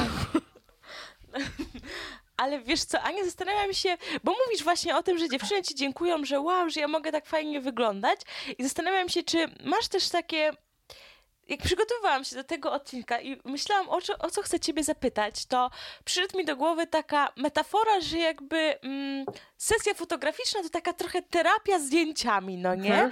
Czyli, że właśnie kobieta przychodzi, myśli o sobie, że o nie, ja mam to, to, to, to, to złe w swoim wyglądzie, nie wyglądam jak ta, ta, ta, ta, ta i jeszcze 15 innych osób, bo porównywanie się przecież jest takie super, no nie jest. Um, ale zastanawiam się, czy zdarzyło ci się obserwować właśnie taki proces rozkwitania u kobiet, proces akceptacji już na jednej sesji zdjęciowej, że wiesz, widzisz różnicę między tym pierwszym zdjęciem, a, a tym gdzieś ze środka mhm. czy z mhm. końca? Tak. Że te kobiety się przekonują? Tak, zawsze tak jest, y, że pierwsze zdjęcia są słabsze i najlepsze są te, które zrobimy na koniec, ale jakby to też wynika z tego, że po prostu się ktoś rozkręca i nawet kiedy ja z tak. kimś współpracuję już po raz kolejny, to, to, już nawet ustalamy, że słuchaj, zróbmy te pierwsze zdjęcia jak najszybciej, miejmy to z głowy, bo wiadomo, że i tak się rozkręcisz powiedzmy za 10, 15, 20 minut. Jakby to jest też naturalne. Ale też y, ostatnio miałam taką sytuację, ale już y, jakby nie będę mówić z imienia i nazwiska, właśnie z dziewczyną, która napisała mi super wiadomość w ogóle później po sesji, że jakby miała właśnie takie terapeutyczne znaczenie dla niej, że bardzo długo siebie nie akceptowała, że jakby czuła się źle ze sobą, że, że jakby się sobie w ogóle nie podobała. I w ogóle był taki moment, że robimy tam te zdjęcia, robimy, robimy, robimy i no któreś ujęcie. I ja, ja w ogóle na przykład się bardzo jaram, kiedy robię zdjęcia. Jak coś mi wychodzi, to ja po prostu, o Jezu, ale super nam wyszło, kurde, no jest takie fajne. Słuchaj, aż ci pokażę. Ja, ja po prostu ciągle tak gadam. To, to jest silniejsze ode mnie, ale myślę, że może to ludziom trochę pomaga, że, że nie widzą, że ja tak, wiesz, patrzę. Hmm kurde, znowu nie, znowu nie, musimy powtórzyć. Ale pomyślałam sobie od razu, jak ty powiedziałaś, że taka jesteś podekscytowana, sobie pomyślałam, kurczę, dlaczego ja jeszcze nie byłam u Ani na sesji? W sensie zaczęłam się zastanawiać. Muszę, muszę się nad tym y, poważnie zastanowić. Zapraszam, zapraszam. E, no i była taka sytuacja, że właśnie ja jej pokazałam to jedno zdjęcie. Jakby ona wcześniej zdjęć z naszej sesji nie widziała, to było takie po prostu surowe w aparacie. No i ona się popłakała, jak zobaczyła tą fotę. I po prostu Aha. mnie aż tak ścięło. Ja tak mówię, matko kochana. W ogóle ja w tym momencie doceniam w ogóle tę pracę na nowo. No i oczywiście ona była mega zachwycona zdjęciami i, i, podziękowała, że w ogóle to był dla niej też właśnie nie tylko taka, wiesz, zdjęcie zrobione na Instagram, że możesz sobie mhm. opublikować, ale dla niej to miało też takie bardzo duże znaczenie właśnie w takim psychicznym sensie, jeśli chodzi o akceptację siebie i takie przekroczenie bariery, bo, bo ona po prostu zobaczyła siebie jako no, przepiękną, radosną, uśmiechniętą, atrakcyjną, superową w ogóle dziewczynę, co dla mnie było oczywiście jasne, ale dla niej to był ogromny krok. I ja w tamtym momencie mówię, matko kochana, moja praca naprawdę może być bardzo ważna, bo czasami możesz tak sobie pomyśleć, mhm. a to wiesz, fotki na Instagram, a Instagram to wiesz, takie e, bla bla bla, jakieś tam pierdoła i w ogóle, więc tak naprawdę ta twoja praca to jest, wiesz, nic nie warta, bo, bo robisz jakieś fotki na jakiś Instagram. E, i siedzisz w internecie. Mhm. A, a tutaj w pewnym momencie okazuje się, że to jest coś, co może mieć ogromne znaczenie dla drugiej osoby i może być nie tylko fotką na Instagram, ale też właśnie takim bardzo dużym krokiem w stronę akceptacji siebie. A w ogóle jeśli chodzi o takie mhm. terapeutyczne foty, to też można, tylko że to jest, y, trzeba znaleźć naprawdę fajnego fotografa, jakieś takie bardziej, y, jakąś taką kobiecą sesję, taką sensualną czy coś takiego, mhm. to bardzo dużo robi ale też trzeba uważać, e, żeby się umówić z jakimś takim fotografem, przy którym nie będziemy się wstydzić, że na przykład jesteśmy, nie wiem, w bieliźnie, czy jakoś tak bardziej troszkę, nie wiem, tutaj mhm. ramię pokazane, tutaj nóżka, coś tam, coś tam. Takie sesje też są super, ale no to już jest takie, że, że trzeba naprawdę zaufać osobie, z którą się robi zdjęcia. Tak, a właśnie też chciałam Ciebie o to zapytać, czy em, bo, bo widziałam takie zdjęcia, mm, gdzie kobieta właśnie robi zdjęcia kobietom też innym e, i zastanawiam się, czy ty też myślałaś właśnie o pójściu w tym kierunku, w, tym, w, e, w ten kierunek taki bardziej właśnie terapeutyczny sesji zdjęciowych, czy totalnie to jeszcze albo już nie jest twój klimat? Ja w ogóle zastanawiałam się jakiś czas temu, e, czy nie zacząć jakichś takich sesji kobiecych bardziej, właśnie takich, mhm. nie wiem, w jakimś fajnym wnętrzu, takie po prostu gdzieś tam, nie wiem, w bieliźnie, czy, czy na przykład w koszuli, czy coś tam i robić po prostu takie coś, takie bardzo sensualne, takie kobiece i tak dalej. No gdzieś tam ta kwarantanna wyskoczyła i jakby trochę mi się mhm. rozmyły te swoje cele. E, też mm, jakby zastanawiałam się pod tym względem, bo ja bardzo mocno poszłam w taką fotografię wizerunkową właśnie dlatego, że ogarniam Instagram i kiedy ktoś do mnie pisze, że chce zdjęcie na Instagram, to ja wiem o co mu chodzi. Mhm. Że to mają być Rozumiem. atrakcyjne zdjęcia z, nie wiem, jakieś tam kolorowe, przejrzyste, takie. No, no, Instagram ma gdzieś tam swój styl, swoją estetykę i ja wiem jakby jak w to się wstrzelić, więc robię zdjęcia kobietom, ale to nie są chyba takie sesje, o które w tym momencie pytasz, które gdzieś tam mhm. myślałam o tym, ale nie jest to jeszcze na ten moment taki priorytet, żebym się tak jakoś bardzo E, tym mocno zajęła. Ale myślałam o takim projekcie, nawet chciałam jakieś takie troszkę e, fajne wydarzenie z tym zrobić, ale no właśnie przez tą kwarantannę to gdzieś uciekło. No niestety, myślę, że dużo planów uciekło przez tą kwarantannę. Um, ale też myślę sobie, wiesz co jeszcze, Ania, o, o, tych, mm, o tym, że miałaś taki pomysł w ogóle. Psychoterapia jest super, no nie? Jakby nie ma tutaj co mówić o tym, że mm, nagle jakiś inny rodzaj terapii, niezależnie od tego, czy to jest, wiesz, terapia ze zwierzętami, czy w ogóle mhm. właśnie z aparatem sprawi, że gdzieś tam to zamieni i sprawi, że ta osoba em, gdzieś tam mm, będzie pracować nad swoimi zaburzeniami, czy jakimś tam brakiem akceptacji na przykład siebie, ale myślę sobie, że to byłoby super, gdyby właśnie psychoterapeuci też zalecali tego typu em, tego typu sytuacje, no nie? W stylu właśnie taka dodatkowa terapia zdjęciami, bo to na pewno pomogłoby kobiecie lepiej poznać siebie e, i, i też później jakby w naszym życiu codziennym jest często opcja, że my musimy stanąć przed tym obiektywem i zrobić sobie zdjęcia na ślubie, mhm. na urodzinach i w ogóle nawet, kurczę, na jakimś wydarzeniu w mieście pojawia się znikąd fotoreporter i robi nam wszystkim zdjęcia i później oglądamy na pierwszych stronach gazet i, i mamy taki dramat, że tu zgarbiona, tu coś, a tak to byłybyśmy bardziej świadome tego, w jaki sposób dobrze em, pozować. Ale właśnie, Ania, to powiedz nam jeszcze na koniec, czym, jaki, jak byś podsumowała, mimo tej kwarantanny, to ostatnie pół roku em, twojego życia, y, w sensie co fajnego znaczy, mam nadzieję, że dużo fajnych rzeczy, bo inaczej to pytanie nie ma sensu, ale co fajnego może pokazało, pokazał ci ten okres kwarantanny? Był jakimś czasem do tego, żeby przeformułować właśnie swoje wartości, swoje cele, gdzieś zastanowić się bardziej nad tym, w jakim kierunku chcesz dalej rozwijać swój biznes? E, tak, dokładnie tak było. Jakby ja wiem, że, że ta kwarantanna, no, no to jest trudna rzecz i jakby dużo też złego się wydarzyło, jakby tak po prostu z takiego ludzkiego mhm. widzenia, że jednak dużo ludzi zachorowało i tak dalej, i tak dalej. E, no i to było dosyć przykre, że to się w ogóle wydarzyło, ale e, Jasne. jakby ja wyniosłam, tak koniec końców podsumowując i patrząc na to w ogóle z dzisiejszej perspektywy, to ja wyszłam na plus po tym w ogóle całym czasie. Jakby mhm. bardzo mi jest przykro, jeśli ktoś, e, nie wiem, stracił pracę i tak dalej, no bo to są, to są absolutnie jakby no, wielkie wydarzenia i przykre i tak. I wiem, że jakby dużo osób było takich, których gdzieś tam droga zawodowa się jakoś tak e, źle potoczyła właśnie przez tą kwarantannę, no i, no i szkoda, że tak wyszło. E, ja w ogóle zawsze wychodzę z takiego założenia, że jeśli nieważne co się dzieje, jakby ja się staram jakoś coś przekuć dla siebie. Po pierwsze, ja na mhm. pewno bym nie wytrzymała, gdybym ja miała po prostu siedzieć na tyłku przez, przez te tygodnie w domu, bo ja bym chyba zwariowała. I ja spróbowałam zareagować natychmiast i jakoś przekuć w ogóle ten czas tak właśnie e, pozytywnie dla siebie. Chociaż też widziałam dużo głosów e, w internecie, że, że jak to tak można się rozwijać, jak to można, nie wiem, tutaj ktoś, tu się straszne rzeczy mhm. dzieją, a ty tutaj mówisz, że ty jogę ćwiczysz i w ogóle jakieś tam inne rzeczy. Mhm. Jakby mi to strasznie było ciężko czytać, no bo takie coś, bo jakby z jednej strony ja rozumiem, że nie wszyscy mają ochotę się rozwijać w takim czasie i to jest okej. Okay. Z drugiej strony, jeśli ktoś ma ochotę na to, to jakby nie zabraniajmy mu tego, no tak. nie? Bo każdy z nas gdzieś inaczej zupełnie to dostrzegał. A z trzeciej strony, jeśli spędzisz kwarantannę na siedzeniu i na jęczeniu, jak jest ci źle i czego ci się nie chce, to lepiej nie będzie.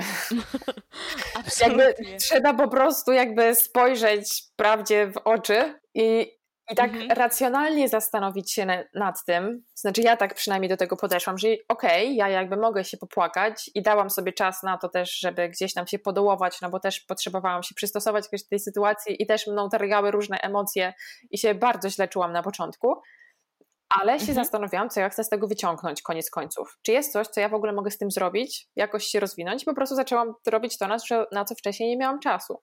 Więc koniec końców ja e, jakby też trzeba wziąć pod uwagę to, że na przykład ja nie miałam zespołu, nie musiałam nikomu płacić w tym czasie, jakby ja utrzymuję się tak naprawdę tylko sama, nie miałam też lokalu, za który muszę płacić, mimo że nie wiem, stał pusty, więc jakby te moje mhm. koszty nie były tak były takie same po prostu jak, jak przed kwarantanną, w sensie tylko ja byłam na utrzymaniu i firma. E, no i dużo fajnych rzeczy się wydarzyło. Dopracowałam jakieś tam, nie wiem, wrzuciłam parę sesji do portfolio, dopracowałam trochę bloga, w ogóle rozkręciłam wpisy na blogu, rozkręciłam Instagram, publikowałam regularnie, napisałam tego e-booka przede wszystkim, co było ogromnym dla mnie krokiem. I dzięki niemu przekonałam się, że faktycznie mogę zacząć coś robić online, bo ja nie wiem, tak sobie zakładałam mhm. wcześniej, że dobra, no to jak zrobię do jesieni jakoś czy coś, to spoko. A jak się okazało, że ja nie mogę tych sesji zdjęciowych robić i muszę siedzieć w domu, no to ja po prostu cisnęłam tego e-booka tak jak mogłam i jakby mhm. poświęciłam ten czas na to, żeby, żeby to skończyć. No i to był fajny krok nie tylko jakby rozwojowy, ale też finansowy, bo ja, ja na przykład dzięki temu jakby też nie ucierpiałam finansowo na tej kwarantannie, mm, no bo jakoś tam fajnie udało się y, tego e-booka rozpromować i byłam bardzo z tego zadowolona, jak to poszło. No i to też tak wzmocniło moją pewność siebie, jeśli chodzi właśnie o projekty online, bo to był mój pierwszy taki projekt, pierwsza rzecz, którą sprzedawałam poza sesjami zdjęciowymi i warsztatami i ja się okropnie stresowałam, że tego nikt nie kupi. Mhm. E, także jak założyłam sobie, moje chyba pesymistyczne założenie było, że sprzedam chyba 50, e, także jak sprzedało mhm. się grubo kilkaset, to ja po prostu byłam w ogromnym szoku, że tak się udało. I faktycznie to jest takim kopniakiem, żebym ja gdzieś poszła jeszcze w tą stronę, żebym też przekonałam się, że nie tylko e, sesje są mi potrzebne do tego, żebym ja się utrzymała, że mogę gdzieś tam próbować z innymi rzeczami, mimo że mogło to być stresujące, no bo jednak, wiesz, próbujesz sprzedawać coś nowego w, tym, w, w, czasie kwarantanny, no to mogło nie wyjść, jakby nie mogłam pracować nad tak. tym, a mogłam nic nie sprzedać, no ale wiadomo, tonący brzytwy się chwyta, ale jak się okazało, ta brzytwa wcale nie była taka ostra i nie poharatałam sobie rąk. ale też e, dało mi to dużo takiej pewności siebie, że nawet jeśli ktoś mnie gdzieś zostawi po prostu w środku pola bez laptopa i bez niczego, to ja sobie poradzę. Bo jeśli mhm. okazało się coś takiego dosłownie z dnia na dzień, że, że gdzieś tam mi uciekły te sesje zdjęciowe, kilka ślubów, których no, robię w sumie mniej, jakby z premedytacją robię mniej, ale jednak gdzieś tam zaczęły się przesuwać, i, I takie miałam, no taką miałam wizję, że po prostu przez 2-3 miesiące mogę nic nie zrobić, jeśli chodzi o sesję zdjęciową, no to ja musiałam zrobić coś innego. I widzę, że dopóki nie dojdziemy do takiej jakiejś kryzysowej sytuacji, to też nie wyciągniesz tych swoich takich ukrytych pokładów energii, kreatywności, które masz, ale których nie wykorzystujesz, mhm. bo ci jest wygodnie w tej sytuacji, w których jesteś. Że fajnie, Jasne. wiesz, fajnie było, jak mnie y, byłam rozchwytywana na sesjach i sobie biegałam, ale musiałam jakby utrzymać się z czegoś innego w pewnym, Teraz, no w pewnym momencie i no i to koniec końców wyszło mi bardzo na plus. Bardzo się rozwinęłam i tak zbudowałam też zaufanie do siebie, do swojej przedsiębiorczości. No i też zobaczyłam, że takie rzeczy, na które dużo ludzi nie zwraca uwagi, bo uważa, że to jest głupota, typu na przykład budowanie społeczności nie wiem, na fejsie, na Instagramie czy, czy coś, no, bawisz się w Instagram i tam publikujesz jakieś tam swoje storiesy z tego. No, koniec końców okazało się, że mi uratowały dubsko i pewnie nie tylko mi, bo wielu osobom, jeśli masz fajną markę osobistą i wymyślisz coś innego, co nie jest żerowaniem na, na krzywdzie i na koronawirusie i na tym, że była kwarantanna i po prostu wciskasz cokolwiek, żeby ktoś kupił, ale zrobisz fajny, wartościowy produkt, to, to ta społeczność no, jest czymś po prostu na wagę złota i ja dziękowałam sobie, że jakoś tak intuicyjnie w ogóle to budowałam i rozwijałam. E, no i że mogłam później też zaoferować odbiorcom coś innego niż do tej pory. Bo jak napisał, jak zatytułował Michał Szafrański swoją książkę Zaufanie, tak. to jest po prostu waluta przyszłości. I myślę sobie, że też nasza rozmowa zatoczyła teraz fantastyczne koło i bardzo się cieszę, że tak się stało, e, że właśnie te trudne, kryzysowe sytuacje, które czasem się zdarzają, mhm. one na pewno są po coś, tylko e, musimy z taką otwartością i uważnością na nie, do nich podchodzić, tak, bo, bo to nie jest tak, że koniec świata, tylko może być to dopiero początek nowego i lepszego świata. O rany, dobra. Ale wyszło zakończenie patetyczne. Ale nie, o jedy. To już, to chyba znak, że to jest rzeczywiście koniec. A ja dziękuję Ci bardzo, że y, zechciałaś wziąć udział w, w tym odcinku podcastu. Myślę sobie, że to jest chyba najdłuższy odcinek i bardzo się cieszę, że tak wyszło. Y, Aniu, jeszcze powiedz może, gdzie można Ciebie znaleźć i kupić tego fantastycznego e-booka albo wziąć udział w, e, w tym y, wyzwaniu, które teraz jest w formie e-booka mini e-booka tak, do pobrania. Tak, dokładnie. Najlepiej w sumie zajrzeć na e, bloga aniaulanicka.pl i tam są zakładki, banery, można kupić e-booka, można pobrać darmowego e-booka. E, no i oczywiście po dużo nowości zapraszam na Instagram, który nazywa się też tak oryginalnie Ania Ulanicka. I fantastycznie, przynajmniej nikt nie ma wątpliwości, jak Ciebie szukać. Okej, okay. zapraszamy tam bardzo serdecznie do zakupu e-booka. Równie serdecznie zapraszamy, bo nie wiem, czy to wybrzmiało wystarczająco mocno, bo jest on naprawdę fantastyczny. E, więc Aniu, dziękuję Ci bardzo za tą rozmowę i dziękuję również naszym słuchaczom. Trzymaj się, Aniu. Ja również dziękuję. Dziękuję.